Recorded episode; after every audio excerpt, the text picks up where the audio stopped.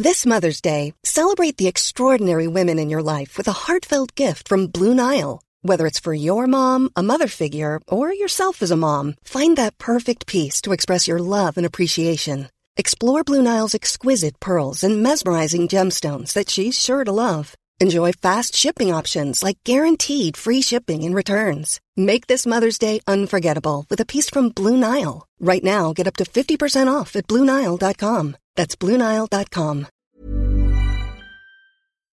Hej innebandy Sverige! Välkomna till det här avsnittet. Den här gången har vi med oss en kille som har blivit miljonär på innebandy. Han var en av Sveriges absolut bästa spelare på 90-talet. Han eh, var egentligen före sin tid, alltså han var gudabenådad spelare. Han gjorde fyra mål i sin debut i högsta serien som 16-åring. Han har vunnit flera VM-guld, han har vunnit SM-guld, han har varit SSL-tränare. Han är delägare i klubbhuset och ni vet innebandyföretaget som omsätter över 60 miljoner kronor. Nu tänker jag att vi släpper in Magnus Augustsson och det här avsnittet. Nu kör vi!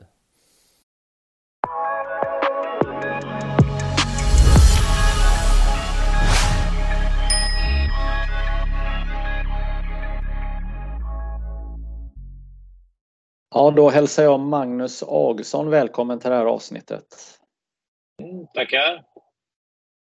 Uh, du har ju extremt många strängar på din lyra. Du uh, har spelat innebandy, du har tränat innebandy och du har uh, startat klubbmärke. Du driver framgångsrikt en innebandykedja kan man kalla det. Är det något mer jag har glömt? Eh, nej, jag har skaffat två barn. Ja, hur gick det till? ja, exakt. Nej, men eh, innebandymässigt eh, som har anknytning till det i alla fall så är det väl eh, det bland annat. Men jag har ju också startat en eh, innebandyförening eh, som, eh, ja, som lever än idag och eh, frodas här i Landvetter där jag bor. Ja, just det. Eh, min yngsta son spelar faktiskt i Landvetter Wings eh, numera. Så att, ja. Hur ska man börja ett sånt här samtal med Magnus Augustsson, en av världens bästa innebandyspelare genom tiderna? Är du det? Alltså jag, jag tycker det är väldigt svårt. Eh, det som är lite roligt är att man var med innebandyn från begynnelsen i alla fall. Och jag tycker nu har man liksom hamnat i det skedet där man liksom, för mig är Diego Armando Maradona världens bästa fotbollsspelare, men eh, tittar man på gamla eh, filmer eh, när han spelar och ser hur fotbollen är idag så, så är det en helt annan fotboll och så, så är det ju även för när vi spelar innebandy så är det en helt annan innebandy idag så att det är väldigt svårt att, att värdera vem, vem som har varit bäst genom alla tider hit och dit. Och jag kände att jag gjorde några VM och, och fick lite cred och vann lite priser och så vidare. Så, så att jag, under den eran jag spelade så var man ju i alla fall eh, med där uppe i alla fall. Så, eh, så känner jag. Mm. Nej, men jag eh, vet att jättemånga är jättenyfikna på dig och mm, har haft koll på dig. I alla fall de som eh, var intresserade av innebandy när du spelade. Eh, men, men jag tänker faktiskt att, att, att vi ska börja med, med en händelse som var ganska exakt för 20 år sedan. Ni i ditt lag då, Pixbo Wallenstam, jagar ert första SM-guld och när du ska spela karriärens eh, kanske viktigaste match så eh, så sitter du på bänken. Mm. Ja, alltså de uppmärksammar ju det nu, för precis som du säger så är det 20 år sedan, så det var någon som ringde mig och frågade lite om det där också. Så där alltså det, man ska inte hymla med att, jag menar, håller man på med idrott så vill man ju spela, man vill vara på planen, man vill avgöra. Det var ju liksom det som eh, man drivs av bland annat. Sen så hamnade vi i ett läge i Pixbo där vi liksom missade guldet eh, mot Varberg, ja, 97 eller 98 eller vad det nu var. Där vi egentligen hade redan eh, det i vår hand och så, sen så jagade vi ytterligare några år och så vidare. Och och när detta året kom så man hade nästan gett upp om att få det här guldet och eh, jag ska, fick min dotter det året. Vi startade Raichen Sport det året. Eh, och, eh, nej, jag var ju inte där. Liksom. Jag tog en paus under den säsongen på några månader. Jag avsade mig i landslaget, eh, tackade nej. Och kom jag aldrig riktigt med. Så så det var väl inte, med facit i hand så var väl inte det så konstigt egentligen. Sen blev det att, att jag inte skulle vara på planen, men eh, det är klart man ville det. Eh, sen tyckte jag väl kanske att man på slutspelet där kanske man fått en liten annan styrning och eh, så kanske man hade liksom kommit tillbaka och varit en, en del av det på planen. Men eh, så blev det ju inte. Och eh, idag är jag ju faktiskt inte jag var nog ganska bitter över det, liksom just kanske liksom man tänkte på det sådär liksom att man inte var på planen. Men eh, idag så ser jag mest eh, jäkligt skönt att man fick bärga det guldet och framförallt med Pixbo då som man liksom med sedan ungdomsåren och alltihopa. Och jag fick ganska goda, det var ganska roligt efteråt, så det var många reportrar som liksom så kanske det inte var heller, men de liksom fasen hur, hur känns det liksom? Det, det är ju du som är Pixbo, det är du som är, eh, det är ditt guld och alltså uttryckte de sig och det var väl inte hela sanningen men det var ändå det var någon en form av bekräftelse liksom sådär och jag, jag, jag ser ingen bitterhet på det idag eller ingenting faktiskt. Nej men det är som du säger, eh, du var ju den största spelaren i Pixbos historia eh, fram till då och eh, det var kanske inte så du hade drömt att, att det skulle bli, alltså att vägen till guldet skulle gå på det här sättet, eh, eller? Nej, så var det ju absolut inte. Liksom, då, då ljuger man ju. Nej, men det kunde lika gärna blivit så, eh, är jag övertygad om, för det har man ju sett historiskt sett också. Hade vi tagit det här guldet mot Varberg det året så kanske jag hade suttit med fyra SM-guld och avgjort tre och, och liknande. Det, det är mycket mentalt, mycket släppa spärrar och, och nu blev det inte så och då är jag jäkligt tacksam att vi fasen eh, knöpte det här guldet liksom. Och sen att jag liksom valde att droppa Pixbo sen efter det och eh, det, det är lite som 94, eller när jag valde och valde fotbollen istället för innebandy, eller innebandy istället för fotbollen eh, där liksom. Hade jag vunnit eh, italienska ligan som Zlatan något år eller vad hade hänt? Eller hade jag blivit en ingenting? Man vet inte. Eh, det var mycket som hände efter eh, eh, 2002 med guldet och med, med jobb och familj och liknande. Då, så. Ja, men jag tänker ehm, alla har ju olika ingångar fram till framgångar och, och sådär. Du debuterar i högsta serien som 16-åring. Du gör väl gör du fyra mål i din eh, debut eller hur, hur, hur var det? Jag kommer faktiskt inte så ihåg. Jag för mig, jag undrar om inte det var mot Åmål eller något sånt där. Eller jag kommer inte ihåg riktigt vilka vi mötte första matchen. Ja. Men det gick ganska bra i alla fall redan från start första säsongen. Ja, jag tänker att, att du har ju alltid spelat och du har varit den som eh, ja, inte behövt fundera så mycket på det och, och så hamnar du i den här situationen. Vad, vad har du lärt dig av hela den här eh, situationen som uppstod då eh, under ditt sista år som aktiv i Pixbo som spelare? Då? Nej, men jag tycker att eh, det jag fick med mig mest av det, det var ju faktiskt eh, några år senare sen när jag tog mig an att bli tränare. Det fanns ju på, ett visst sätt som jag upplevde att man blev behandlad eller liksom inte behandlad eller liksom eh, bortglömd eller inte prata med, med eh, som jag har försökt i alla fall att ta, ta med mig både mot eh, de stjärnspelarna man, man hade eh, och så vidare då i, när jag var tränare. Mm. Nej, jag minns ju själv att man tittade på det där eh, under matchen och man undrade Kommer du komma in? Och så blev det en väldigt lång sadden och det hade ju eh, Det hade ju räckt med ett byte där och så hade du tagit bollen och klappat upp den där. Var, Ja, precis. Ja, men det är väl lite, det är precis som du säger just att liksom, det, det var ju lite, vad ska jag säga, eh,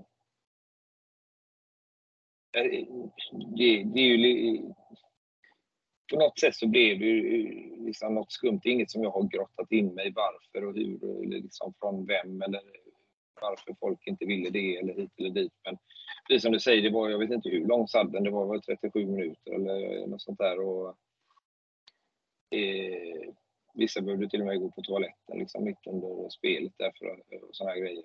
Och, och, man ändå liksom haft en... Eh, och ändå visat vad, vad man kunde liksom och under ganska många år och det var inte att man hade tappat det helt liksom så att, att man inte ens liksom kunde ta ett byte eller liknande. Det kanske kändes lite märkligt just då, absolut. Mm. Eh, när jag höll på att göra eh, Ehm, en bok om innebandyns historia som tog mig fem år att göra så, så hittade jag ju lite bilder på dig ehm, eh, från juniortiden och eh, du är ju känd för eh, Aga, han som spelar med, med rakt eh, blad men på de här bilderna på någon juniorcup där så hade du stans värsta bananböj. Vad, Alltså, Ber, berätta, nej, men vad, hur, hur, hur, hur bytte du? Eller hur, varför blev det rakt? Eller, eller varför hade du den bananböjen? Jag kommer faktiskt inte ihåg riktigt just uh, i början så var det väl liksom bladen var ju så jäkla mjuka och så vidare så man var tvungen att hålla efter ett tag så var de raka. Uh, under tiden så böjde man väl till det och så de, nu när man hookar bladen så, så håller den sig hooken på ett annat sätt. Eh. Men sen så blev det, alltså, sen har jag alltid liksom lite grann, det är inte så man hookar bladen idag men liksom man hade lite, liksom, loftade lite om man säger så, lite från, i klacken. Eh. Så att, eh, sen vill jag ha ganska rakt överlag liksom. Och sen så minns jag faktiskt inte, men jag hade säkert någon, någon form av bananböj där kanske i juniortiden. Jag, jag kommer. Men... Nej. Nej eh, men du och Adam Lindberg eh, var ju de eh, två första spelarna som gick hela vägen eh, från eh, knattelaget upp till eh, A-laget och ni sen blev ju båda landslagsspelare. Och, eh, men ni bodde på eh, en viss gata som eh, några äldre Pixbo-lirare gjorde, eller, eller hur var det? Ja, inte på samma gata riktigt, eh, men eh, väldigt nära i alla fall. Så att eh, eh Åkervägen bodde de på. Det fanns en skola där vi Adam gick inte där ur sig, men eh, vi andra var ett gäng där som gick på Vällsjöskolan där, där allting började en gång i tiden. Då. Så att, eh, nej, det är ju det är en, lit, det är en liten by i, eh, ja, som inte är så stor, så, så det var ju ganska ja, egentligen ja, två, två killar går hela vägen därifrån och vi hade ju flera som spelade i högsta då. Det var ju ganska många som spelade i högsta på den tiden i och för sig, med att det fanns sex serier och sådär. Men, eh, men dock ändå. Ja. Vad, var har du fått dina skills ifrån? För att jag menar, alla som minns dig som eh, spelare så var du ju, du hade en gudabenådad teknik och snabbhet och ja, väldigt kvicktänkt och grymma handledare. Vad, vad, vad, vad kommer det här ifrån? Ja, alltså farsan är ju gammal. Eh, han spelade ju Blåvitt på sin tid. Eh, låg de i tvåan nu för sig. Eh, kallades för Nacka gjorde han. Eh, så ibland när jag träffar eh, pappas gamla eh, kompisar så är det, är det Nackas pöjk, säger de. så att eh, det kommer... Nej, så det, det måste ju var därifrån om man nu ska se några eh, gener så. Och sen så tror jag faktiskt att eh, mycket kom också från att vi, eh, vi var ett gäng liksom som växte upp i, i Pixbo. Och det var ju liksom idrott varje dag, liksom dygnet runt. Och på den tiden var det inte heller liksom så som det är idag. Liksom då, ja, herregud, vi måste ha en träning till i veckan. Vi tränade ju ändå. Vi, man bröt ju sig in i, i hallarna, får man inte säga. Men så var det ju. Och, eh, eller så, så, på, från, så fort eh, det var asfalt liksom, så körde vi liksom varje dag utomhus. Och var det inte innebandy så var det fotboll eller så var det minitennis. Så jag tror vi fick ganska mycket därifrån. Eller jag fick då, eh, och även polarna eh, anser jag också hade ganska bra teknik. Liksom. Ja, det är ju många som delar de här eh, historierna med att man ställer upp fönster och eh, ja, mm. till och med även eh, bryter sig in. Det minns jag att vi också gjorde några gånger. Idag så kan man ju inte det. Det är ju larm på allt och det är mm. pluppar och hej och hå så att det är lite tuffare för dagens kids att göra samma sak. Ja, sen så sa morsan alltid berättat, sagt det att Ja, hon tyckte det var jäkligt jobbigt. Jag sprang med de här innebandyklubborna liksom och sköt och, liksom, och de var väl rädda om huset och så vidare. Så hon tog ju dem ibland och gömde dem. Då, och så Men då, då tog jag en galge istället och, så hittade man den lösningen. Liksom, så det, liksom, det, det, skulle bara vara med boll. Liksom. Ja, precis. Uh... du var ju lovande fotbollsspelare och eh, var ju lite omtalad eh, också. Ja, var ju gjorde bra ifrån dig. Var den, eh, att, att du bröt med, med fotbollen, det, det, det måste ändå varit en ganska stor grej i familjen, eller? Jo, men så var det ju. Det var ju, eh, alltså kanske inte familjen, men det var mer ett stort beslut för mig. Jag har väl aldrig känt att farsan eller morsan, alltså jag har alltid fått göra, välja det jag vill liksom. Eh, det är ingen som har påverkat utan jag har blivit mer stöttad av det. Farsan ville ju säkert fotbollen men han har aldrig sagt något utan det var med och tittade innebandyn istället. Så, så att, eh. men, men det är ju det är ju en helt annan idrott, fotboll, om man ska se världsfotbollen kontra världsinnebandyn. Inte för att förringa vår idrott, vår egen idrott, men om man ska se världen så är vi ju ganska mycket mindre än fotbollen. Och ser man både ekonomiska möjligheter och all, allting. Så, så ibland har man liksom, jag har aldrig ångrat något, men det är liksom, jag, jag var ju liksom på väg. Var ju tvungen att välja och valde innebandyn.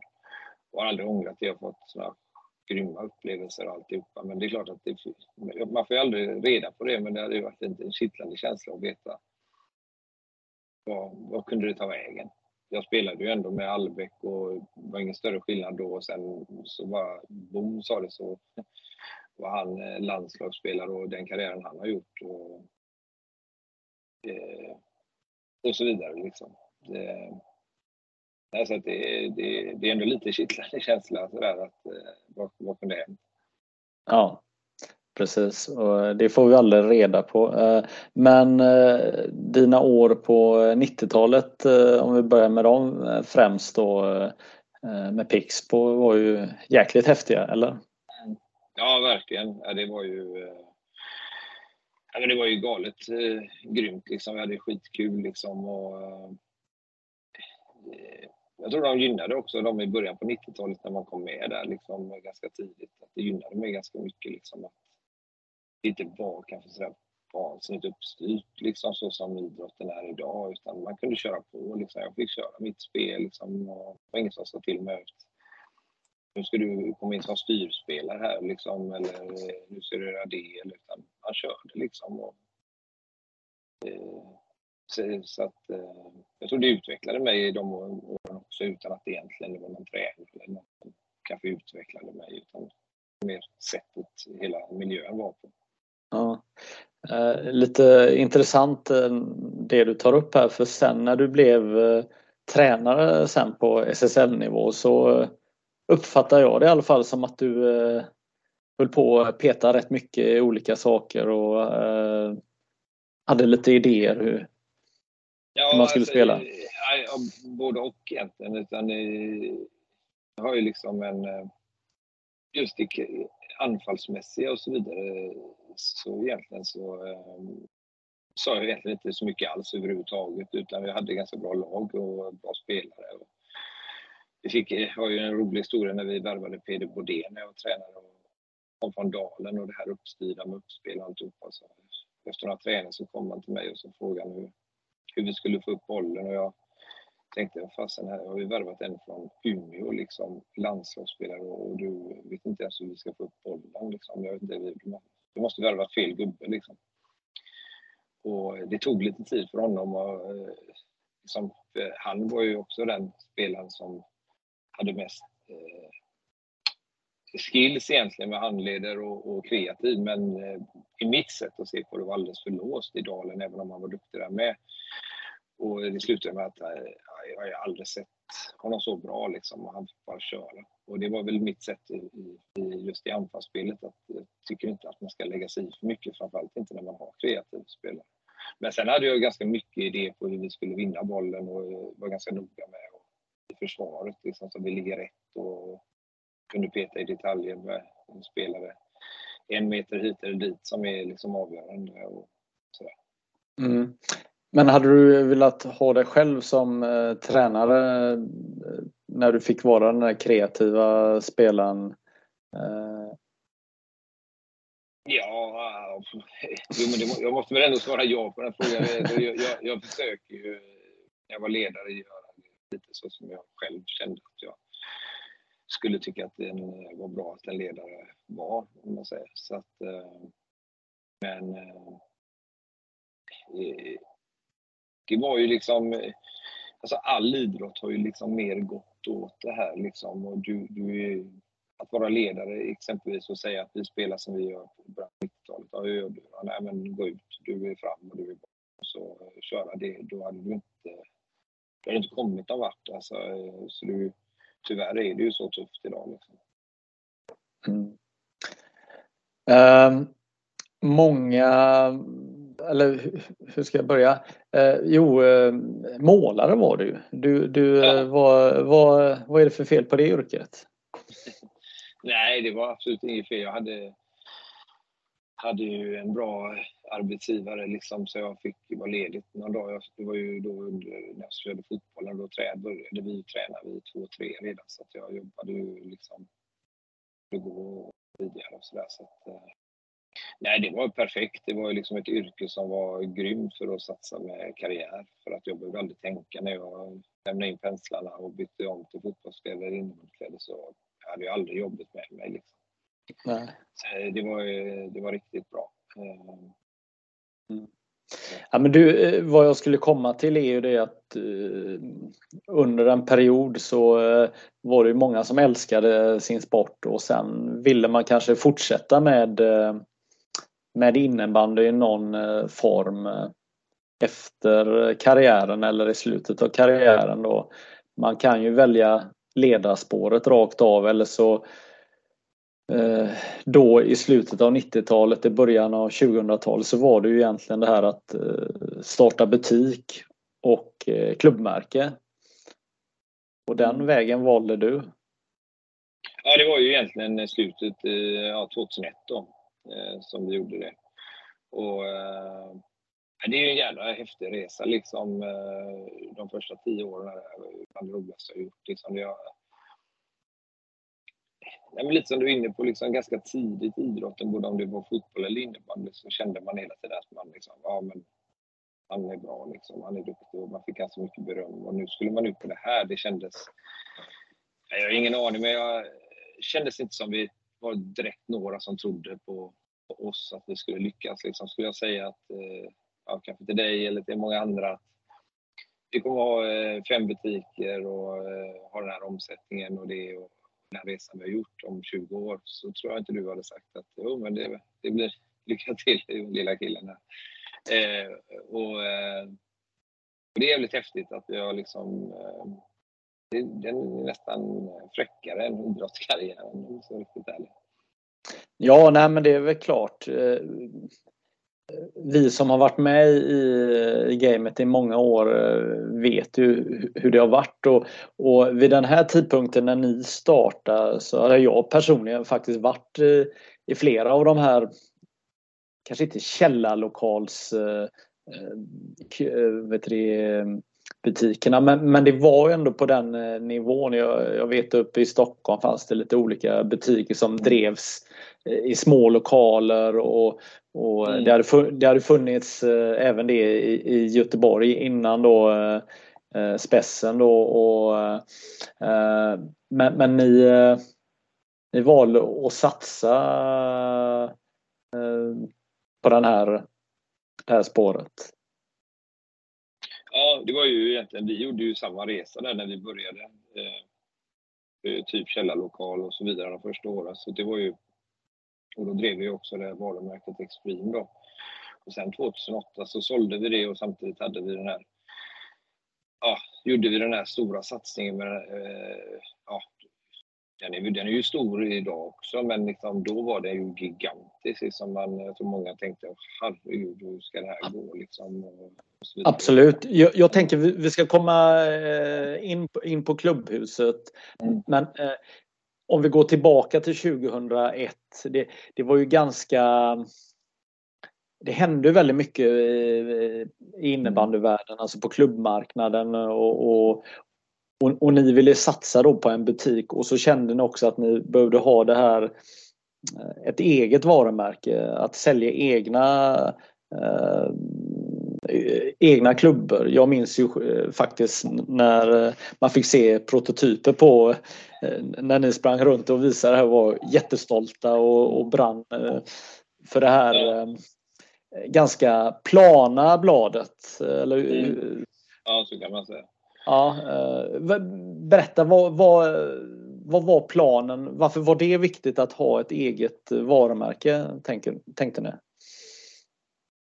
Nej, men alltså, ja, vad ska man säga? Det var ju vår tredje kollega där, Jan då, han kom ju från eh, den tekniska Eh, gjort lite, gjort lite i den industrin helt enkelt med, med andra produkter. Och eh, sa egentligen till, till mig och Erik att liksom, varför kan vi inte ha ett, ett varumärke? Jo, alltså, kanske vi ska ha liksom. Och så eh, fick vi lite kontakt med plasttillverkare liksom i Småland och eh, började liksom spåna och de sa att de kunde rita blad och så vidare. Så fast tänkte man det kan, kan vara något och så vidare. Så det var nog inte sådär genomtänkt, att vi hade liksom en plan. Att vi, jag menar, vi hade ju ingen montering egentligen och så vidare på det sättet utan eh, vi fick ju skapa allt sånt med lindmaskiner och, och på, på små ytor.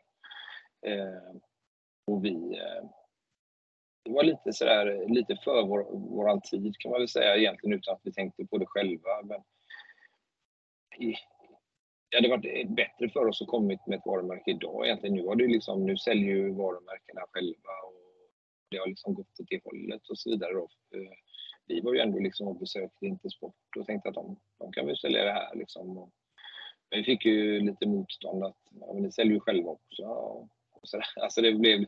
Vi, vi, jag tror vi körde på liksom utan ta en riktigt, riktigt plan liksom. Utan det liksom fick ge sig. Mm. Eh. Men det, men det var ju, alltså det är lätt att man glömmer av hur, hur galet det var. Det fanns ju ganska många eh, mer eller mindre etablerade eh, varumärken och sen så startades det ju eh, samtidigt nya märken då som Eh, vi hade Kronstrand som, som, som körde, det kanske var något senare, jag minns inte riktigt men, men, men eh, och, och, och så startades Zone startas du i samma stad då eh, där Junior Hockey redan fanns och, och så ni då så, så att så att eh, kartan höll ju på och ändrades och ja, det hände mycket. Mm. vad, vad minns du om den här tiden? Nej men det var Ja, men precis som du säger, jag, jag anser att alltså, liksom, eh, det var jäkligt många kreativa människor runt innebandyn på den tiden och eh, det kan jag sakna faktiskt. Liksom. Jag skulle behöva komma in ny, nytt blod. Liksom. Eh, samma sak, de som startade Zon då köpte ju även Unihop då liksom och blev Renew. Och det är ju fix på, på gänget liksom som, som, och jag och min kollega är ju också fix på gänget egentligen. Liksom. Och, det, det är också lite, lite fräckt att det liksom varit mycket vinnarskallar och mycket, många som har velat mycket. Liksom. Så att, eh, Ja exakt och, och, det, fanns ju, det fanns ju även Salming då och, och där jobbade ju också då, det var väl Rickard som också hade spelat i Pixbo och, mm, och sådär, så att, så att ja, det var ju en galen cirkus. Det, det mm. upplevde ju vi då som var neutrala där och alla tittade lite snett på varandra. Eller? Jo, var det inte så? jo, så var det ju. kan man väl säga lite grann. Alla hade liksom eh, ögonen på varandra och, var, ja, och så vidare. Liksom. Så att, eh, ja, nej, men det, det, när man ser tillbaka på det liksom, så är det ändå liksom eh, ja, Unihoc var ju i princip på väg ut för eh, om inte de hade köpt Unihoc eh, och lyft igen. Och så startade de Zon, hade de redan drivit några år, så vi hade vi startade Extreme och, och eh, sedermera då liksom klubbhuset. Alltså det är ganska mycket som har hänt liksom, som ändå är positivt för innebandyn idag. Och mm. eh, även eh, Ricka som du nämnde har ju liksom Extreme följer bort det när, när de köpte, Salming köpte det av oss. Men å andra sidan så fick det fart på Salming så att det blev en helt annan nivå på det. Så. Vad var utmaningen eller vad, vad var de svåra delarna att, att uh, ha en eget, att ha ett eget varumärke nu när ni tänker tillbaka? Jag skulle nog vilja säga att det blev, eh, alltså, det var, hade inte bara med innebandy utan det var mer liksom eh, sportbranschen eller liksom eh, försäljningskanalsmässigt liksom i all, liksom hur det har blivit liksom. Jag kommer inte ihåg, minns inte, men jag tror knappt Stadium hade så mycket egna varumärken på den tiden liksom, utan det har ju liksom kommit senare och vi var lite väl tidiga liksom med det för att få volymen på den tiden. Internethandeln var inte särskilt stor så vi kunde inte driva allting på egen hand med en källare i Göteborg och så satt vi och så plingade det till liksom två, tre gånger om dagen. På, så kom det någon order liksom, eh, på nätet. Det hade vi liksom inte överlevt på och därför hade vi behövt komma in i hundra butiker på Intersport eller Stadium eller liknande. Det var inte riktigt välkomnande på det sättet. Så det hade varit enklare idag. Eh, Eh, det hade varit tuffare, folk tittar ju på det men eh, det har ju gått åt mycket mer åt det hållet idag. Mm. Men eh, att ni valde den här vägen visade ändå vad ni ville göra, eller?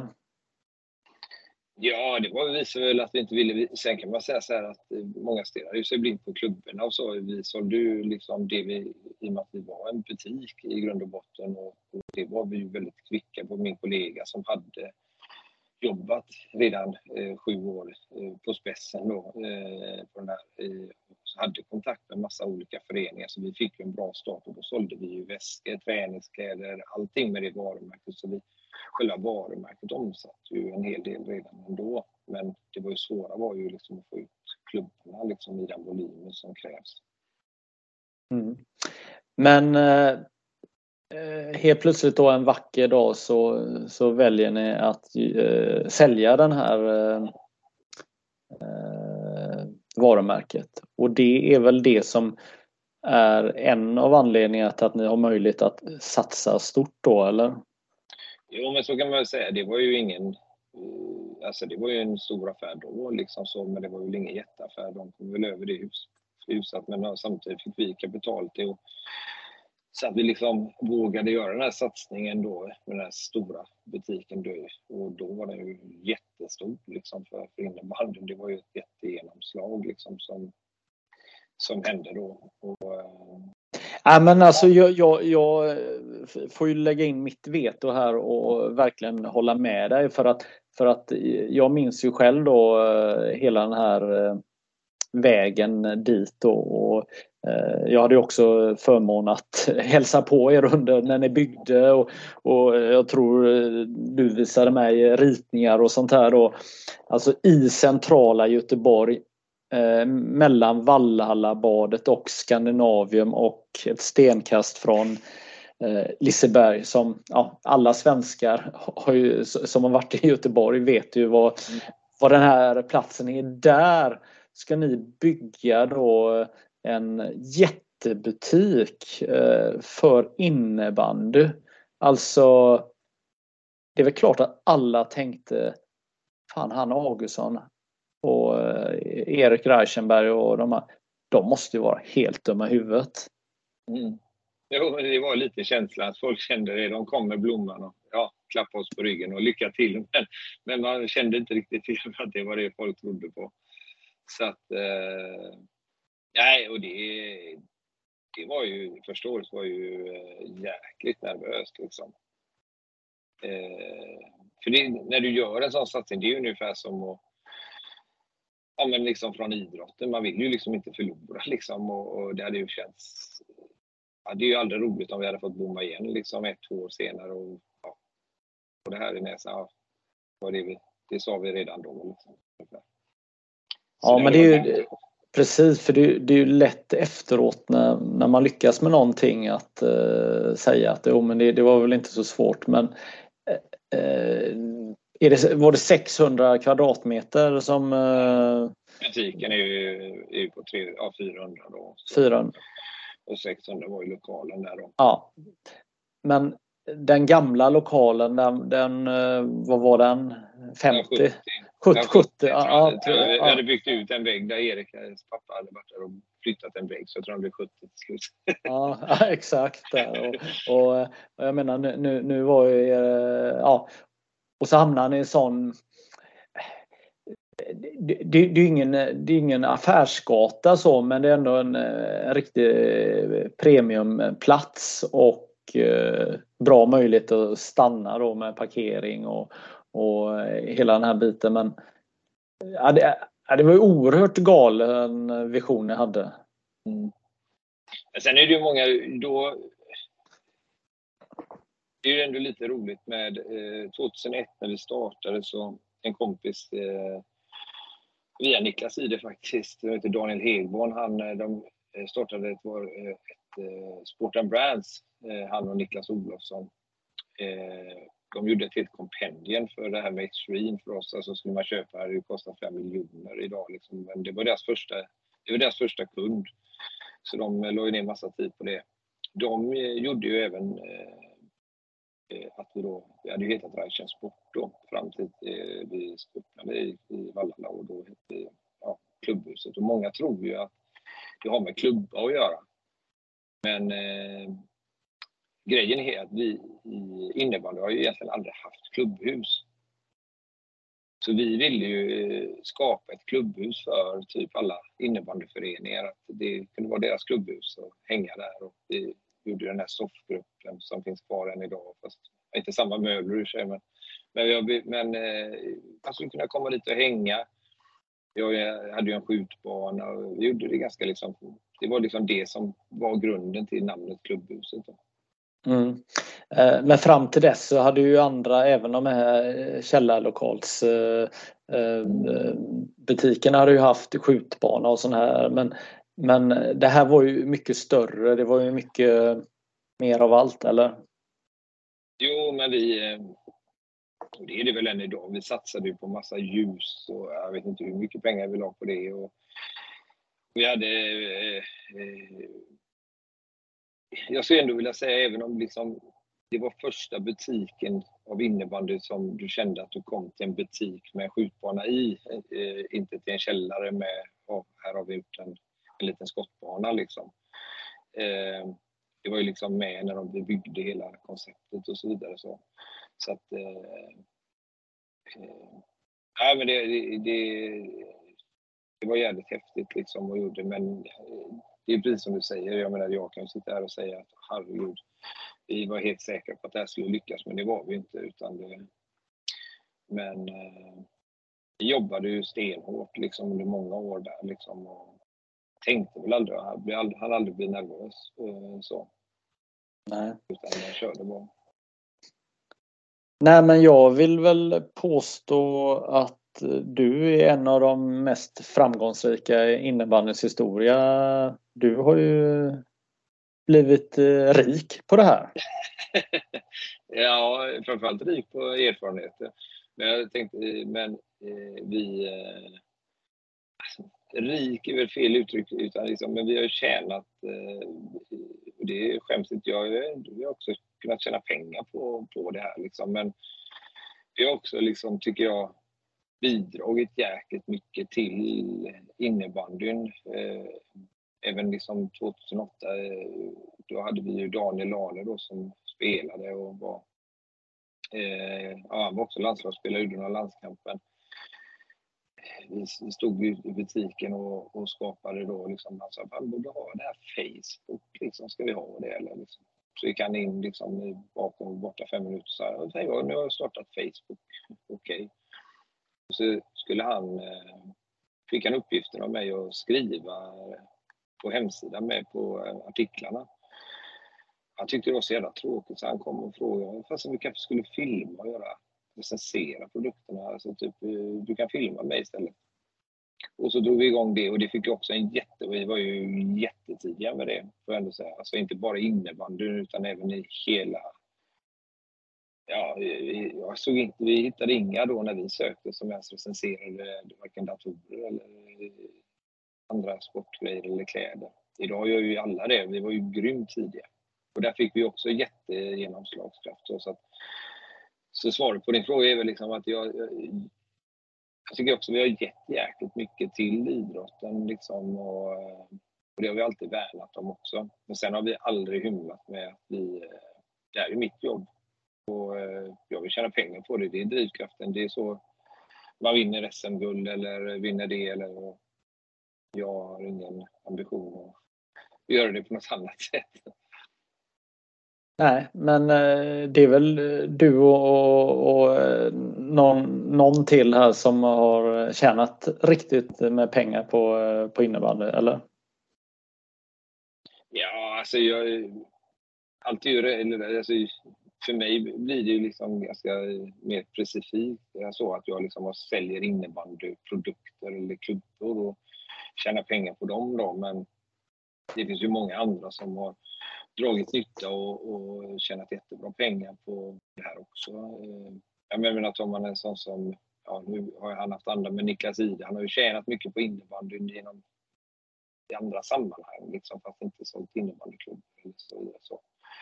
Så att, eh, men det är ju Renew-gänget och med Pixbo-gänget har ju också liksom varit framgångsrika och, och startat varumärken. Det har ju liksom varit ett jävla tufft jobb och en tuff resa men, eh, men det har varit jäkligt kul liksom. Det, mm. men, eh, Precis och sen precis som du är inne på så har ju marknaden har ju ändrats flera gånger och men jag tänker att eran klubblinda är väl eran största framgång någonsin eller? Ja, ja men det är ju, det är ju den överlägset den överlägset bästa produkt. Eh, det, Sen är det en jäkligt bra produkt också, så det är jäkligt kul i och för sig. Så att sen finns det ju garanterat grepplinjer som är minst lika bra i, i, om man skulle jämföra och så vidare. Typ så säkert hitta, men vi har lyckats hypa upp den och, och, skapa det, men vi kan också stå för att vi, vi har alltid nöjda kunder med den också, så att eh, annars hade det aldrig gått. Det är, det är inte alla som har blivit miljonär på en Linda. Nej, precis. Men jag, då kan jag säga att det hade varit bättre för oss att om vi eh, haft ett företag med bara sälja den lindan. Då hade jag tjänat mer pengar än att eh, ha det allt det andra. För det, det är tuffare att tjäna pengar. Ja men exakt. Eh, jag gissar ju att när ni startade er klubbhuset-resa då 2008 sa du va? Och mm. Eh, det kanske inte då du trodde att det skulle vara en eh, framgångsfaktor eller, eller trodde du det redan då eller har, du, har, har saker och ting ändrats genom åren eller? Ja, du tänker på grepplinan nu lite? Mm. Mm. mm. Det som inte många vet om med, med den, eh, det som är lite roligt är att eh, den, den kom ju fram via Extreme. Och eh, vi satte den på, ja men den blir väl bra. Och så hade vi den på. Och så var det jäkligt många Kim, Kim och vet jag var testade våra eh, klubbor och skulle spela och sådär. Det var, det var inte alla som fastnade för klubborna men de ville ha Extreme-lindan liksom. Men sen, eh, så den blev väldigt populär även då. Och sen så sålde vi ju Extreme till Salming och då försvann ju lindan för oss. Men de gjorde väl inget direkt med det egentligen. Men de hade ju det, så vi fick ju vänta två, tre år där vi sålde Extreme-linda för dem, men när vi inte ägde linda. Och de, eh, Thomas Solin då som var VD på Salming, han var väl inte så jättenöjd när vi egentligen från dag ett och började göra den fast gjorde den som en klubbhuset-linda då istället. För han tyckte liksom det var omoraliskt egentligen, skulle jag nog vilja säga. att Det skulle han nog säga om du skulle fråga honom. Men eh, de accepterar väl det eh, samtidigt. Då. Så under, du, det är ju egentligen då, kan det bli 2011, 2012 någonting som det har varit en klubbhuset-linda egentligen. Mm. Innan dess var det ju en extremlinda. Ja, och eh, bland annat den lindan gjorde ju att eh, Internationella innebandyförbundet för några år sedan gjorde en, eh, en ja, väldigt eh, intressant mm. sak. Berätta, vad, vad hände? Nej, vi fick ju reda på att det var någon som har lämnat in en motion då på att man skulle man inte man var tvungen att ha samma greppbinda som varumärket på klubban då. Och då lämnade vi ja, ifrågasatte det helt enkelt då, så att det gick inte igenom. Då. Att, men, men, först gick det igenom, eller det, det skulle ju ja, det bli skulle så? Gå i, ja, precis. Ja. Och då, eh, då ifrågasatte vi det och tog hjälp av advokater. Det fanns väl liksom inte egentligen att man fick, kunde göra på det sättet egentligen. Men eh, Nej, den hade blivit ganska, ganska intressant hur, man skulle kunna kolla det, tänker jag, sen praktiskt också, eller? Ja, men alltså, man kan ju liksom... Det finns alltid olika sidor på myntet och så vidare om var man sitter, men om man, man skulle om man försöker sätta sig att man inte är på en som en leverantör exempelvis, så egentligen eh, tycker jag egentligen att varför ska eh, egentligen borde det finnas normer menar jag, hur en bladinfästning ska vara mot ett skaft och hur skaftets normer ska vara längst ner så att alla blad skulle passa på alla utan några problem. Det är, för min del det känns det, det finns ingen skaderisk överhuvudtaget i det. Och det skulle innebära att det skulle kunna finnas sådana som bara kan tillverka blad. Eh, jag tror att om man bortser från alla varumärken eller liknande så kanske det hade gynnat sporten. Men de som sitter och bestämmer är ju varumärkena i den här gruppen. Eh, och det är klart att de inte vill det.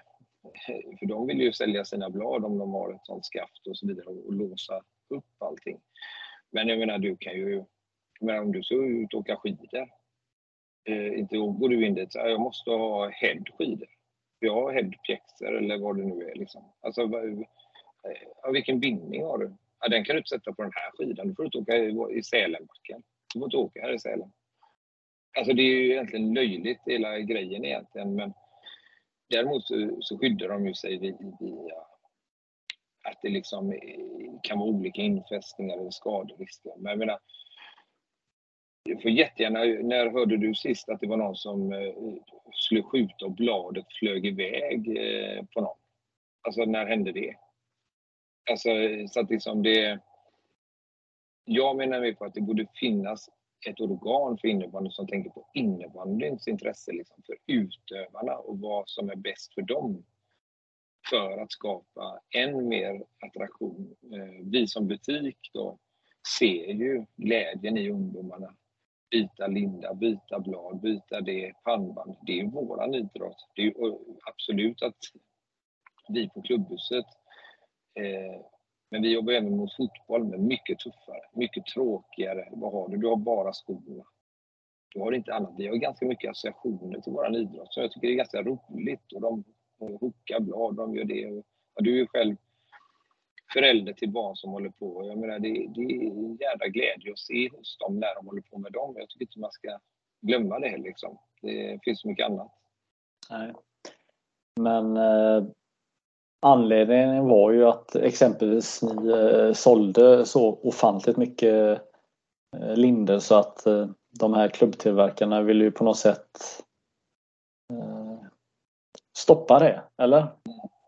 Jo, men så är det ju. Nu pratar jag ju, vi pratar i grepplinjer, men jag tycker ändå jag kan stå för det där vi kanske inte, men det är lite som att eh, Falun, de är ju bäst nu. Antingen så kan man ju liksom hitta en regel som gör att det, det är svårare för Falun att vinna SM-guld eller så eh, börjar vi träna. eh, här i Varberg eller Falun eller Pixbo eller vad man nu heter och försöker slå dem. Och det är samma med vår grepplinda. Liksom, det är ju fri marknad, det är bara att göra grepplinda. Det är bara att marknadsföra grepplinda, det är bara att, slå oss. Gör en bättre grepplinda, marknadsför en bättre, gör det bättre. Istället för att liksom hålla på med ja, rent ut sagt fjantiga grejer. Liksom. Det är ju för att de mm. inte har idéer eller kraft nog att, lösa det.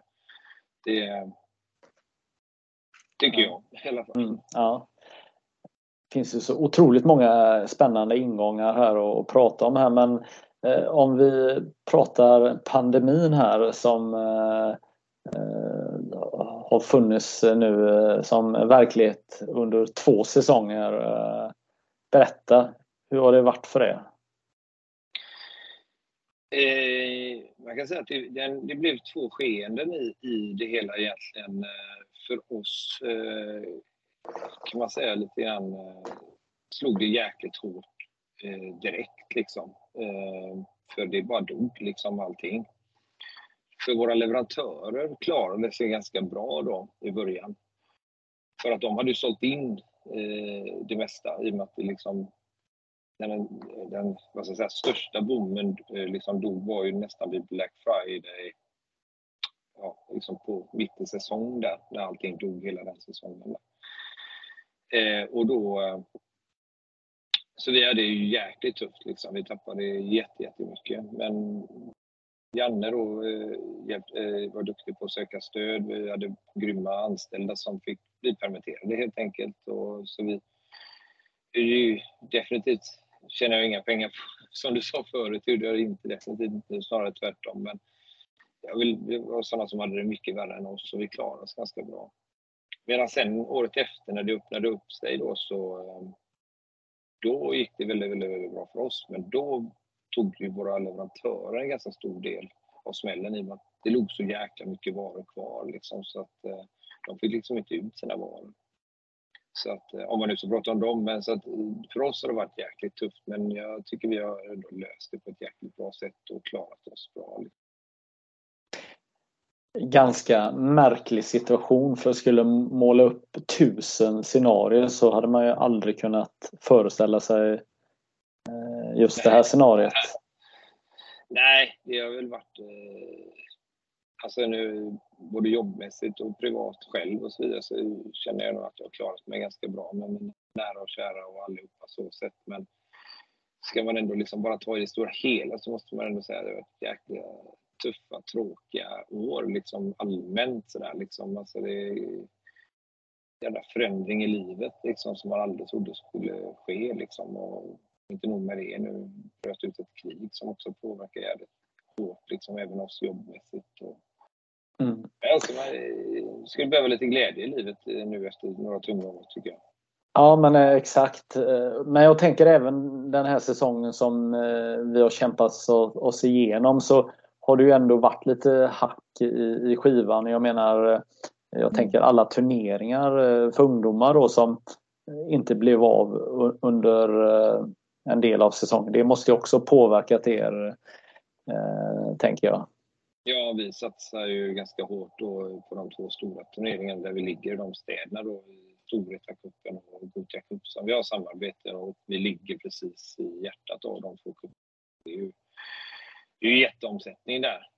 Eh, sen är inte det det viktigaste, liksom. det tråkigaste är ju att inte eh, ungdomarna och barnen kunnat idrotta naturligtvis, men det har eh, varit, eh, det är ganska det har varit en av våra nycklar till att vara framgångsrika, att vara på cuper och eh, evenemang och liknande. Så har vi inte kunnat få vara det, så det är klart att det har påverkat eh, jättemycket. Mm. Eh, när du eh, gick in i den här branschen för 20 år sedan så, så var den eh, ganska säsongsbetonad. Alltså man, man köpte sin utrustning egentligen vid ett tillfälle, möjligtvis två tillfällen. Kan du berätta lite hur, hur har det förändrats genom åren? Ja, alltså jag anser väl lite grann att vi, framförallt mot leverantörerna, har varit med och påverkat det. Men eh, det är fortfarande lite åt det hållet. Det är det ju liksom att grundordrarna då, som, man, som det heter kommer in. Eh, liksom, då kom de in i mitten av augusti. Men i och med att vi låg där vi låg så eh, tänkte jag fasen vi har ju Liseberg, det är ju liksom folk hela sommaren. Så vi börjar liksom, vi, vi, kan ta det tidigare, vi kan ta det tidigare. Så idag får vi ju grundrundarna typ några veckor innan midsommar då. Eh, eh, och inte bara det, utan det har ju liksom varit med alla dessa sommarskolor som inte fanns förr och turneringar och utomhusturneringar och alltihopa som är nu. Så maj, juni är ju två månader som är inte döda, det finns några kupper och sånt, men de är väl, det är liksom två månader. Förut var det kanske i princip april, maj, juni, juli, liksom eh, augusti till och med också. Så nästan fem månader och idag ligger vi vi har ju omsättning varje juni, men det, det är tuffa. Det, det, är de två sämsta innebandymånaderna. Men det har liksom nästan blivit året runt nu för, för kidsen. Mm. Uh, uh, ni, eh, när fick ni er andra butik? Uh, och vilken var det? Eh, vi hade ju väldigt bra, det var min kollega Erik som hade väldigt bra ingångar och vi så, eh, i Karlstad, så vi, med omnejd, så vi hade ganska mycket föreningar där. Och eh, då eh, skulle de eh, öppna en, eh, en innebandyanläggning där som heter Tingvalla hallarna då. Då fick vi frågan och Erik var på hugget där och såg till så vi öppnade en butik i arenan då, som fortfarande finns kvar. Mm. Precis, och idag har ni eh, hur många butiker?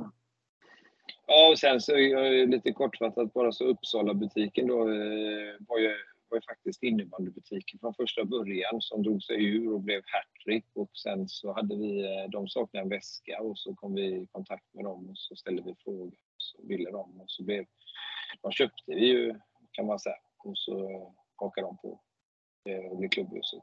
Och sen så till Umeå. Eh, han var också egen innan, men vi tog över honom. Vi ville ha något i, i Norrland. Och, sen så till Falun blev ganska naturligt med tanke på Falun och vi är så starka i det distriktet och eh, tog över en butik där. Eller inte tog över, utan ja, vi köpte ut honom helt enkelt. Mats Andreasson som är en innebandyprofil också, som är turneringskung kan man väl säga. Eller har varit i alla fall. Mm. Så eh, nu är det de fem butikerna. Då. Och sen så har ju nätet, det är ju en egen butik också som är en stor del. Mm. Hur stor del är er internetförsäljning då? Jag säger att den står för en fjärdedel liksom, om totala. Eh, där. Mm. 35 procent kanske. Mm. Så de fysiska butikerna spelar roll fortfarande? Jättemycket. Jag, Eh, vi har väl inte helt, eh, vi är inte främmande för att öppna någon mer butik. Vi har bara liksom eh, och man ser att det är mycket innebandyspelare i, med omnejd, liksom en 10 mils radie runt. Liksom. Så, så tror vi fortfarande på det. Vår idrott är ju ändå, det är mycket känsla.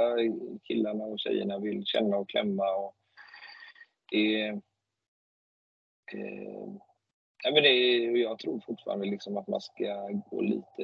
Jag gillar liksom med butiksförsäljningen också faktiskt. Jag, eh, de bidrar jäkligt mycket faktiskt. Mm. Eh, en självklar fråga är ju eh, Stockholm. Berätta, varför finns ni inte där? Ja, men Stockholm är... Det går väl säkert att hitta, men om du ändå ska ha en bra butik, det är dyra hyror. Eh, svårt att nå hela Stockholm med trafik och så vidare. Vår erfarenhet eh, där. Du kanske behöver ha två butiker om du ska nå hela Stockholm. Och sen är det vår absolut bästa försäljning på nätet istället i det området. Så vi har, vi har inte lagt, eh, sagt att vi inte ska öppna det, men eh, frågar du mig personligen så är jag, är nog lite tveksam faktiskt eh, till det. Jag är inte så säker på att det är ekonomiskt värdighet i det. Nej. Eh, vi har gjort lite sammanställningar genom åren här på innebandymagasinet och vi konstaterar ju att eh, flera innebandybutiker har ju en betydande del av kakan. Mm. Och jag upplever som att Eh, ni eh, tillsammans med andra butiker har, har vunnit eh, många marknadsandelar man ser inte lika stora försäljningsytor på de här stora andra företagen som säljer sportutrustning.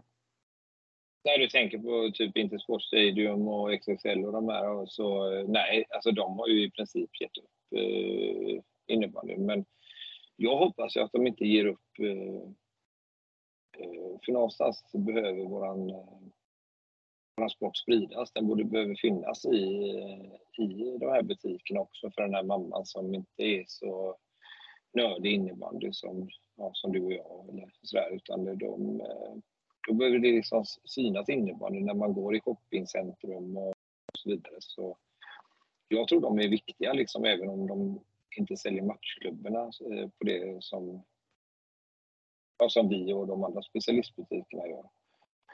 Eh, men eh, det har ju liksom blivit en jätte eh, stor skillnad som du är inne på. De, man ser ju inte innebandy i vissa, har ju till och med tagit bort det helt i princip.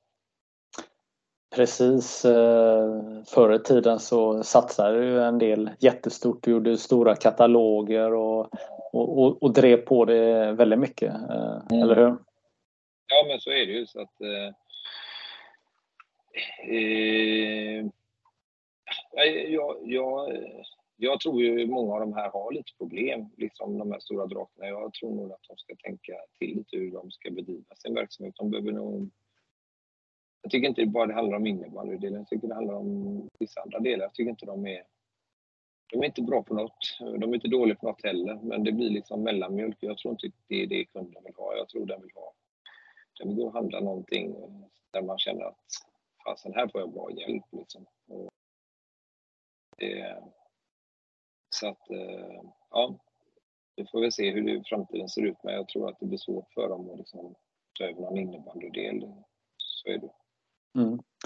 Eh, du och Erik har ju en eh, st stor del i er framgång såklart. Vad, vad, vad, vad är det ni vill att era anställda ska leverera eller vara? Alltså hur, hur eh, i början så var det ni som stod i butiken och sålde allt. Nu är det många andra som är med i era team. Eh, hur har ni lärt upp dem? Eller vad, vad är det för...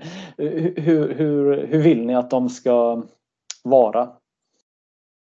Nej, men alltså, för vår del är det viktigt att vi har kunnig personal. Liksom. Sen är det ju liksom extraarbetare och liknande och innan de, liksom, de också, också får en chans. Så det är klart att har du otur och kommer i en upplärningsperiod så kanske man får fel, jag ska inte höja oss till skyarna, så det är klart att vi har fel och brister ibland, men vi försöker vara noggranna med att liksom, går det till oss så får du bästa hjälpen i val av, val av klubbor och blad och grepplindor och längd på klubban och hook och, och så vidare. Det, alltså, det är lätt för dig och mig att säga är du left eller right, men en mamma som kommer och köper sin klubba vet inte vad left och right är liksom, på en klubba. Liksom. Men det är också, liksom också att du kan om sortimentet. Varför är den bättre än den? Eller vad är det för olikheter? Och sen är det upp till kunden att välja själv. Men just det här med kompetens eh, och kunna våra grejer är ju A för vår personal där vi är. Och, eh, och det är ju inte bara i butiken utan sen har vi ju utvecklat det hela och vi har ju säljare som jobbar mot föreningar och, och kan det bäst och så vidare. Så vi, vi försöker ju verkligen verka som en specialist Eh, och det är viktigt för oss att vi är specialister också, inte eh, ja, eh, vi kan grejerna helt enkelt. Du måste väl vara, precis som många andra inom innebandyn, väldigt orolig över framtiden här nu när vi nås av lite dystra siffror på att utövarna minskar. Eller hur, hur tänker du? Ja, jag tror det gäller väl all idrott egentligen just med, med det här med Corona. Jag hade ju själv en son som faktiskt slutade med all idrott eh, under Corona. Och satsade på datan istället. Och jag har stöttat honom med det. Han vill, det är ju det är en idrott det med liksom. I alla fall för dem är det ju det. Även om för oss som är uppväxta utan internet så har vi lite svårt att se det. Men så är det ju faktiskt. Men nu har jag ju faktiskt, jag märker han har tagit tag i, börjat spela igen här nu och ska satsa nästa säsong och jag, jag, har nog, jag har nog mer en positiv syn på det. Att jag tror många kommer komma tillbaka och jag tror att eh, om vi pratar våran idrott så är jag helt övertygad om att den eh, kommer överleva och ta sig tillbaka och vara en framgångsfaktor liksom på ungdomsidrott. Eh, mm jag pratade faktiskt med en, eh, det var ganska roligt, han kan inte säga några namn, men eh, en väldigt eh, aktad tennisstjärna i, i Sverige genom tiderna. Hans bror kom och frågade, hans son spelade innebandy, och han sa det att han är inte särskilt duktig. Han spelar innebandy och tycker det är så jäkla kul. Och då sa jag, men har du liksom, det är inte tennis. Nej, det är för svår idrott, det går inte. Liksom. Och jag, det säger ganska mycket om vår idrott. Liksom. Den, är, den, den är väldigt, väldigt mycket till för alla. Eh, sen är det väldigt duktig, roligt att vara duktig och, och så där vidare. Men den här lilla plastbollen den, den studsar kors och tvärs och alla får på något sätt vara med delaktiga. Och det är inte många idrotter det är på, så. Är du, är du sämst i handboll, om ingen passar dig, det är inte så att bollen bara helt plötsligt dimper ner. Eller i fotboll på samma sätt. Den är lite unik, vår idrott faktiskt. Så. Mm tänker ju att du är en av de mest kunniga eh, inom vår idrott här. Hur, hur, ofta sitter du med i eh, paneldebatter och blir inbjuden att, att vara med och, och eh, jobba för att innebandyn ska ta de här elefantkliven som alla önskar? Jag är aldrig med på något. Jag, eh, egentligen faktiskt överhuvudtaget. Eh, inte för att jag inte vill eller så, utan jag, men jag, jag tror inte jag... Jag tror jag kan vara lite för obekväm också för många. Liksom. Jag menar, det ser du innebandy. Jag, jag står för min åsikt. Jag tycker det behöver bytas ut folk. Det är för mycket samma. Jag vågar stå upp för exempel, jag kan säga en grej. Jag var på SM-finalen nu liksom. Eh, du var ju förmodligen där, du har varit på alla mästerskapen. Såg du att de körde eldarna nu för 20 året i rad igen? Liksom. Eh, eh, tar jag dit någon för första gången, det är en fantastisk upplevelse. Men jag som är där varje gång, det är samma, samma, samma, samma. Jag skulle vilja säga att det är sämre nu än vad det var när vi körde SM-finalen för 20 år sedan. Eh, med idéer, när vi kom in med limousin, med line-up när bollen åkte ner från taket med så här. Det, det gör det jäkligt bra, men det är inte good enough. Det måste, vi måste vara bäst. Vi måste ta nästa kliv. Vi måste göra det. Vi måste finna. Men det är ju också samma folk som sitter och bestämmer över vad, vad som ska ske, vad som ska göras. Det är väldigt få nya människor. Eh, tycker jag. Liksom. Det måste in med nytt eh, blod i det hela. Liksom. Det är samma sak med oss i klubbhuset. Jag hoppas att det kan vara vår framgångsfaktor. Jag försöker ta kliv tillbaka. Ska jag välja ut? Alltså jag tycker, jag menar, det kommer ett nytt blad, du, du var inne på det förut. Det kom, när det kom det här bladet, jag sprang runt som ett litet barn liksom, med, med det här bladet. När Unihoc släpper ett nytt blad. Jag är lite måttligt intresserad om jag så riktigt eller liksom, Jag har sett så jäkla många blad. Jag måste ha in en ny hungrig kille eller tjej som brinner för det som jag gjorde för, för tio år sedan och bara hur fasen vad ska vi göra med det här bladet? Vad ska vi göra? Alltså, det måste ju finnas hungern. Jag mm. har inte det längre.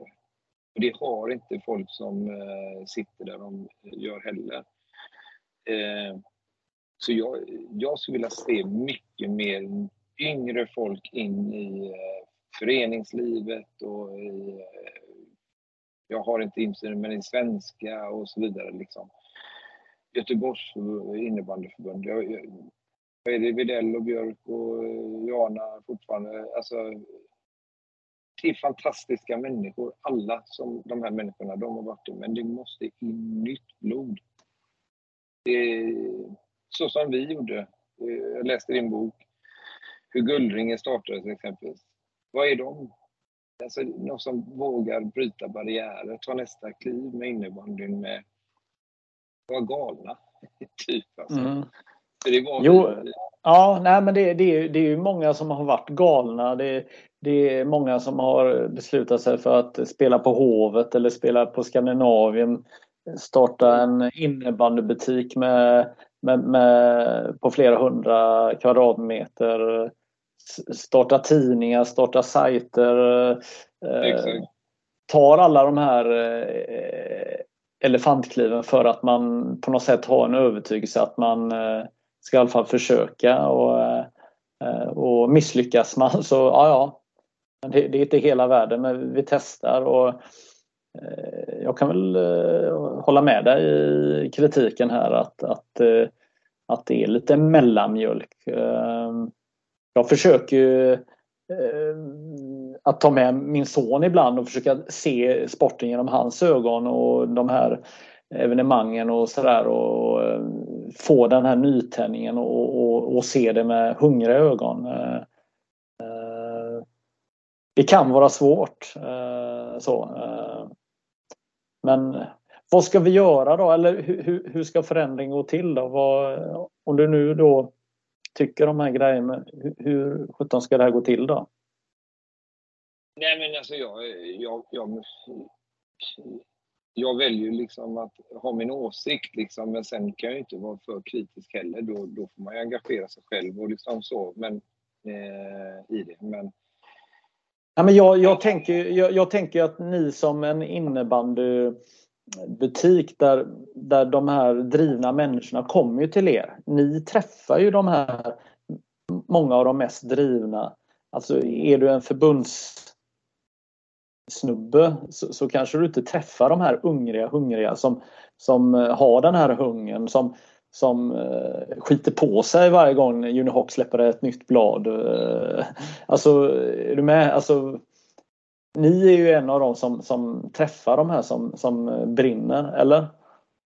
Jo, det är, vi träffar ju folk som brinner, typ så. Men, nej, men jag tycker rätt eller fel och vi får se om det är rätt människor och så. Men jag tror att eh, jag och Lennart och vi var några som startade Landvetter Wings då, innebandyföreningen där för, för, för 12 år sedan. Eh, jag kände liksom, jag var på kommunen, jag Lennart var där, alltså vi åkte runt kors och tvärs och vidare. Men liksom, jag sa till dem, vi vill kliva av, då måste vi kliva av ordentligt. Vi, måste, vi får inte vara där som en aura över. Man liksom.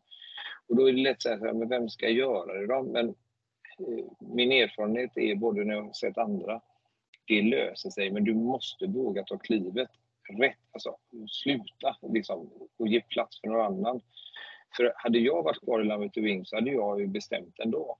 För jag hade lagt mig i. Jag kan ju inte ha med mig i Landvetter Wings och sitta i hörnet och bara sitta och titta på. Liksom det, det är inte något som jag drivs av och tycker är kul. Men, då vill jag, men jag vill inte ta fullt ansvar för jag vill bara vara med och tycka och tänka i det jag vill. Det blir inte bra. Låt dem göra sina misstag, låt dem gå sina domar. Och nu är det ny, nytt folk. Eh, ny, eh, framförallt en ung, jätteung kille. Han kör sitt race. Frågar du mig. Jag har sett många grejer. Jag tycker han gör så fel.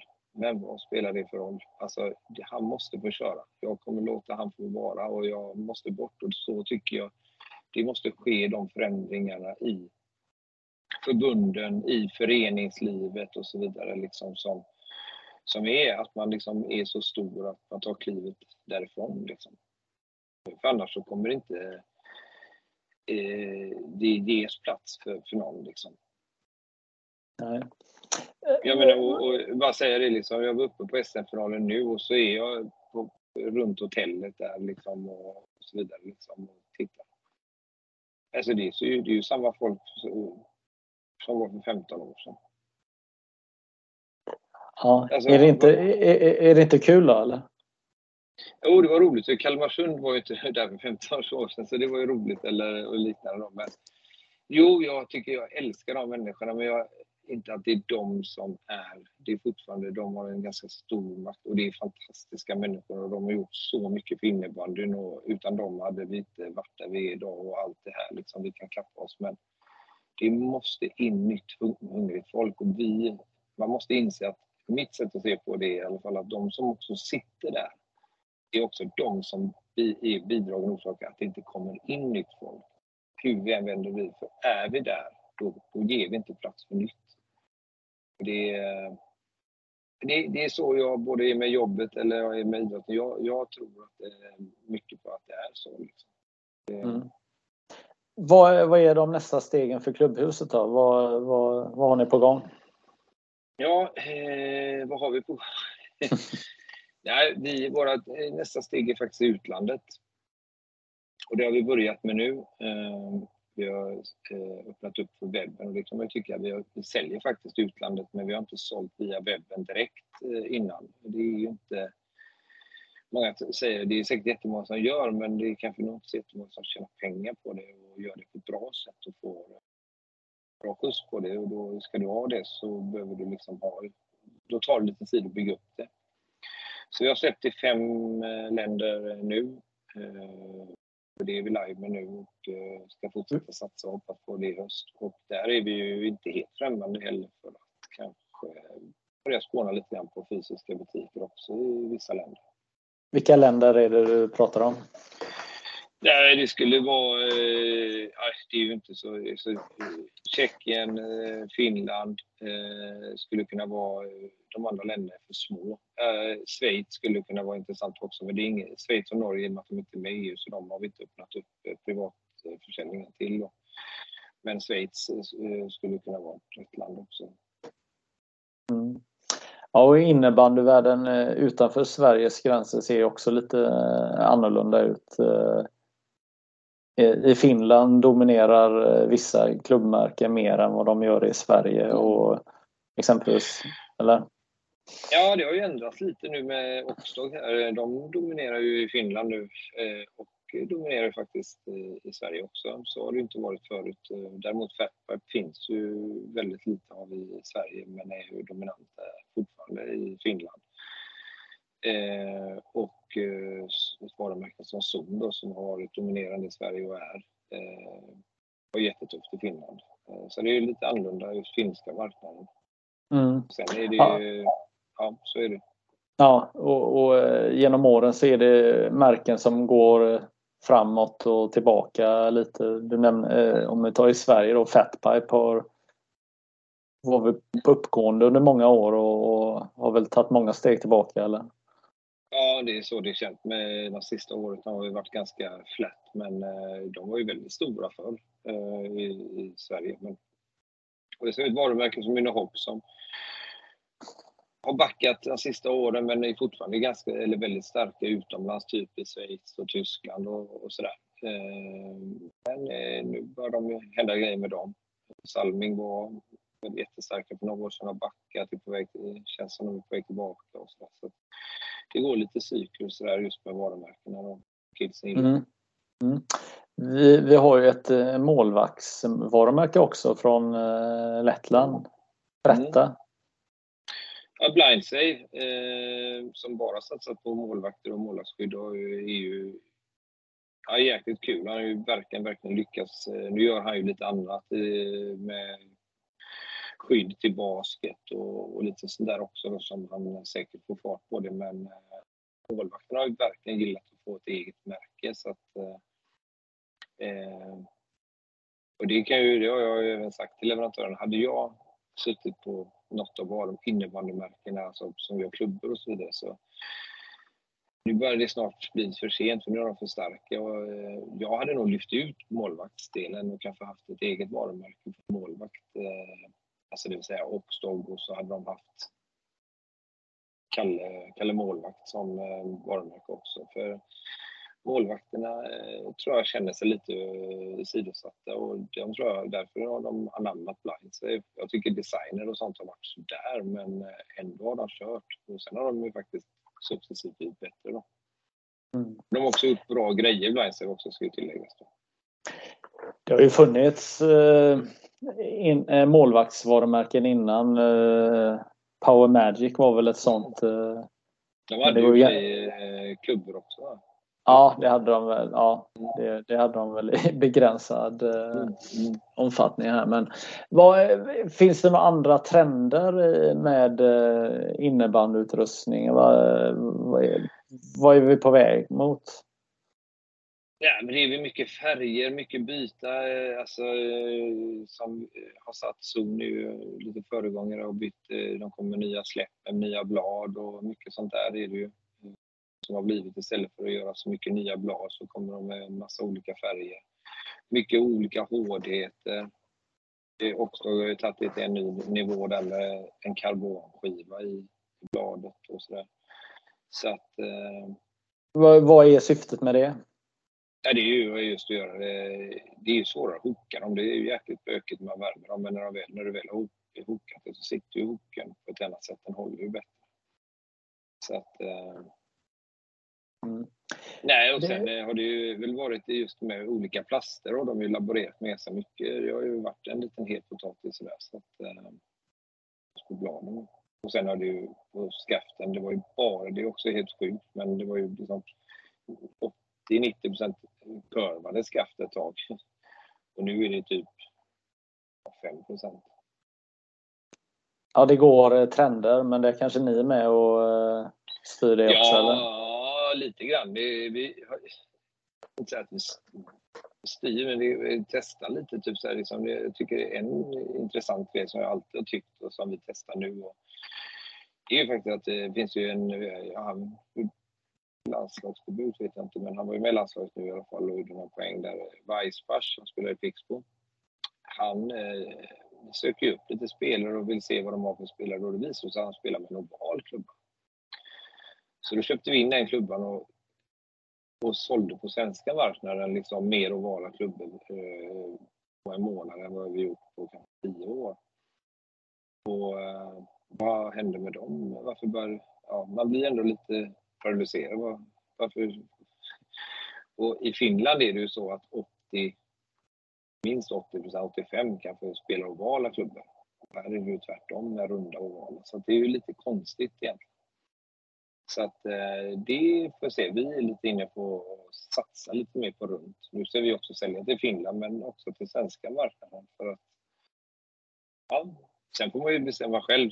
Så du och jag, vi är ju liksom fast vid våra runda skaft liksom, men det är ändå lite konstigt att det är runt. Mm om man ser på alla andra idrotter så finns det nästan, jag vet nästan inget annan idrott som har ett runt skaft. Helt runt. Nej, det kan ju finnas fördelar när man har eh, att, att man vet, eller nackdelen med ett runt skaft är att du kanske inte exakt vet eh, vad, hur bladet Nej, är. Om du tappar den på något sätt. Medan har du ett eh, format skaft så vet du genom när du känner, när du håller i den mm. hur, hur, bladet är vinklat Eh, utan att behöva kolla på det. Så att, eh, eh vad, genom åren, vilka har varit sådana såna här bottennapp alltså, i, i, i sortimentet som, som ni har fått köra till tippen och håller på att säga, nej men alltså finns, finns det några såna här grejer som, som inte har funkat som... Eh... Ja, alltså nej, jag har väl inget så... Eh, jag har väl mer bara en generell grej att liksom vi... Eh,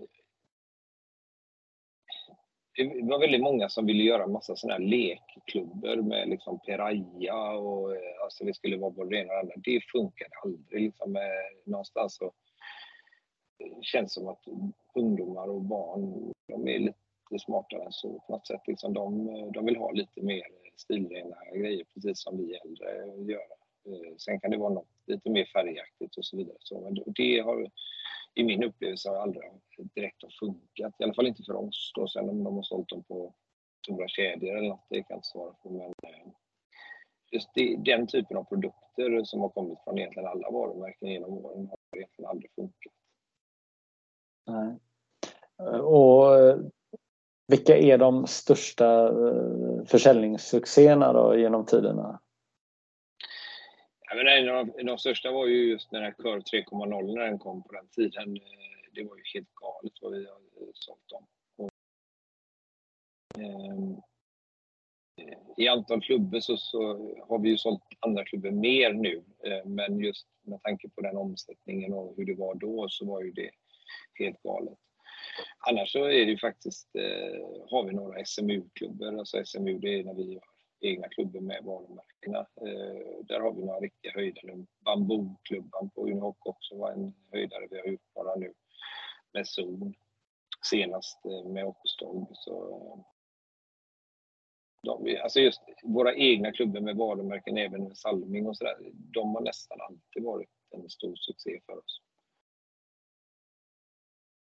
Ja Magnus, jag tänker att vi börjar närma oss slutet här och eh, man vill ju undvika att bli så här eh, gubbgnällspodd här men, men eh, det, det, är ju så himla kul att ha med dig och, och snacka om allt här. Men vad, vad behöver vi göra här nu med framåt? Du, du har sagt att vi behöver få in unga hungriga personer in i verksamheten. Är det något annat som eh, du tänker att eh, innebandyn behöver? Behöver vi mer turneringar? Behöver vi Ehm, rekrytera spelare eh, på ett nytt sätt eller vad, hur tänker du? Nej, men jag ser istället också lite som, det finns ju väldigt, väldigt många, man får inte glömma det, Falun exempelvis är en förening som har gjort det fantastiskt bra, inte bara rent spelmässigt, publikmässigt. Det kan vara sådana här små grejer. De tog ju greppet om att bli den rosa familjen och har blivit en hype kring det i hela Falun. Alla bär rosa och eh, de får liksom folk att vallfärdas till, till arenan där och det blir en som en familjepunkt liksom, som de gör där i Falun. Nu pratade jag med eh, eh Kalmarsunds sportchef då, liksom, som berättade om deras ordförande och förening och, och stad där faktiskt också som liksom ställer upp jättemycket. Liksom. Där tror jag vi har många roliga år och kan bidra till innebandyn. Liksom. Och så finns det garanterat eh, fler eh, exempel på liksom, det finns ju väldigt, väldigt mycket positivt liksom, i, i innebandyn också. Och jag tycker liksom det skulle vara roligt om jag får trycka på några är just att liksom lyfta det här så att jag kan i min stad Göteborg så finns Pixbo. Liksom, att jag kan gå till Pixbo och få en jäkla rolig upplevelse och inte bara vara beroende av om Östholm gör eh, med krysset eller inte. För det, jag har sagt i över tio år att liksom, för publiken är själva innebandyn sekundärt. Jag går dit för att få en rolig upplevelse. Sen om Gio Wallner och Jörgen Persson spelar pingis i pausen, om det är det det hänger på. Men jag är kall. Jag träffar folk, det är socialt, det är trevligt. Själva idrottandet, liksom, men så är det inte i våra hallar idag. I alla fall inte i mitt närområde och jag har inte fått uppleva det. SM-finalen, även om jag gnällde att det är samma, så är det ändå, de gör, det är ändå väldigt trevligt där. Jag älskar att åka dit och träffa folket. Och, och det, jag tycker det är en fantastisk upplevelse. VM är också fantastiskt, men vi lever på för få tillfällen. Det skulle vara lite roligare under säsong också. Liksom. Mm. Det slog mig nu när jag sitter med det här med, jag tänker då att ni har den här premiumbutiken i, i Göteborg då. Eh, det måste passera en jäkla massa folk och eh, du måste ha massa stories och berätta eh, hur överraskad folk blir att vår sport innebandy har en sån här butik. Alltså en del går väl fel och, och, och, tänker väl att det är en allmän sportbutik och så är det ja, eh, ja, innebandyfest eh, de kommer till. Jo, men så är det ju. Jag, jag, jag, menar, jag har väl ingen story just när någon har gått fel, men jag har ju liksom story då när jag jobbar i butiken liksom då på somrarna då. då det händer ju liksom ganska ofta liksom där det kommer föräldrar och lämnar av sin unge och ungen är liksom där jag har fått liksom, du behöver lite vatten här liksom. Man har stått och skjutit i tre timmar och hon och shoppar i stan och så är de någonstans ifrån Jönköping kanske liksom åkt och morsan eller farsan lämnar av liksom och sådär. Och det, det är ju lite unikt liksom. Det finns ju inte inom fotbollen. Du lämnar inte av Jag har inte hört så många som blir avlämnade på en Intersportbutik liksom i tre timmar liksom. Eh, så att det, det passerar jäkligt. Vi har ju Skandinavium liksom som har matcher och eh, nära Ullevi och Liseberg som du var inne på. Så där, liksom det, det är ju nog, jag tror, jag, vet, jag kan inte svära, men det var det i alla fall när vi öppnade. Det är nog den största evenemangsområdet liksom, eh, med Liseberg och allting. Liksom. Så att det, det, är, det är ganska fräckt att vi har en innebandybutik där. Eh, så, att, eh, så det är kul. Ja, nej men jag, för några veckor sedan så var, var jag med sonen som spelade en inbjudningsturnering i Gävle och i hans lag då så finns det en före detta Frölunda-spelare, pappa och eh, en annan som är tränare för eh, samma killar fast i ishockey. Och jag hängde med dem in på en, eh, en känd hockeybutik där i Gävle och det var så jäkla härligt att hänga med dem för jag hängde inte med på utrustning och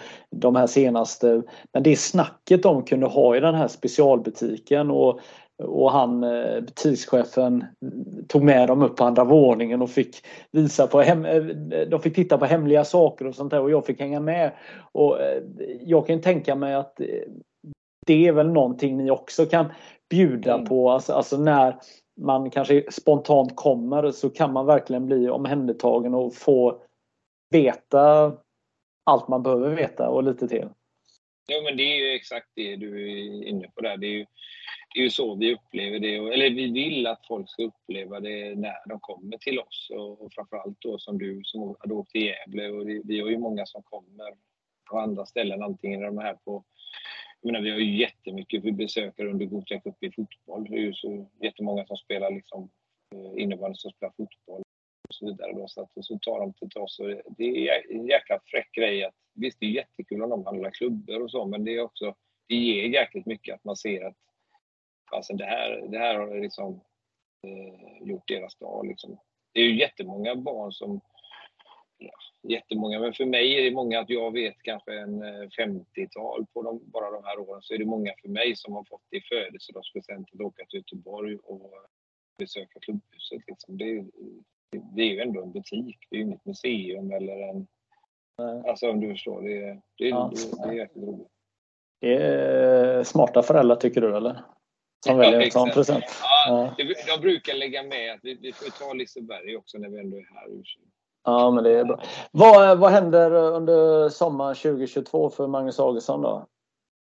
Eh, vi hoppas på att det blir de här evenemangen nu i sommar som det verkar. Och, eh, så det, jag hoppas vi får. Vi har eh, en kupp nu faktiskt som eh, pågår och sen eh, även att det blir fler kupper under sommaren och även sommarskolor och så vidare. Så att, eh, det ska bli jäkligt kul. Eh, jag hoppas att min son eh, tränar. Jag tänkte träna med honom. Det jag, hänger inte med han, men jag försöker i alla fall pusha honom så att han fortsätter och, och vill lira lite, lite innebandy nästa säsong. Ja. Och sen för egen del så, om man bortser från jobb så, så så har jag väl lite planer på, vet det, på vilja resa lite mer. som inte man har gjort så mycket. Jag är lite inne på att försöka få till någonting, kanske något litet eget boende i Spanien. Så det är väl jag är lite nyfiken på om jag får till. Tror jag att det skulle förgylla mitt liv lite och ha någon någon punkt någon annanstans man kan eh, fly undan till emellanåt. Bra eh, Magnus, då tackar jag för att du var med i det här avsnittet. Mm, Tak, tak. No.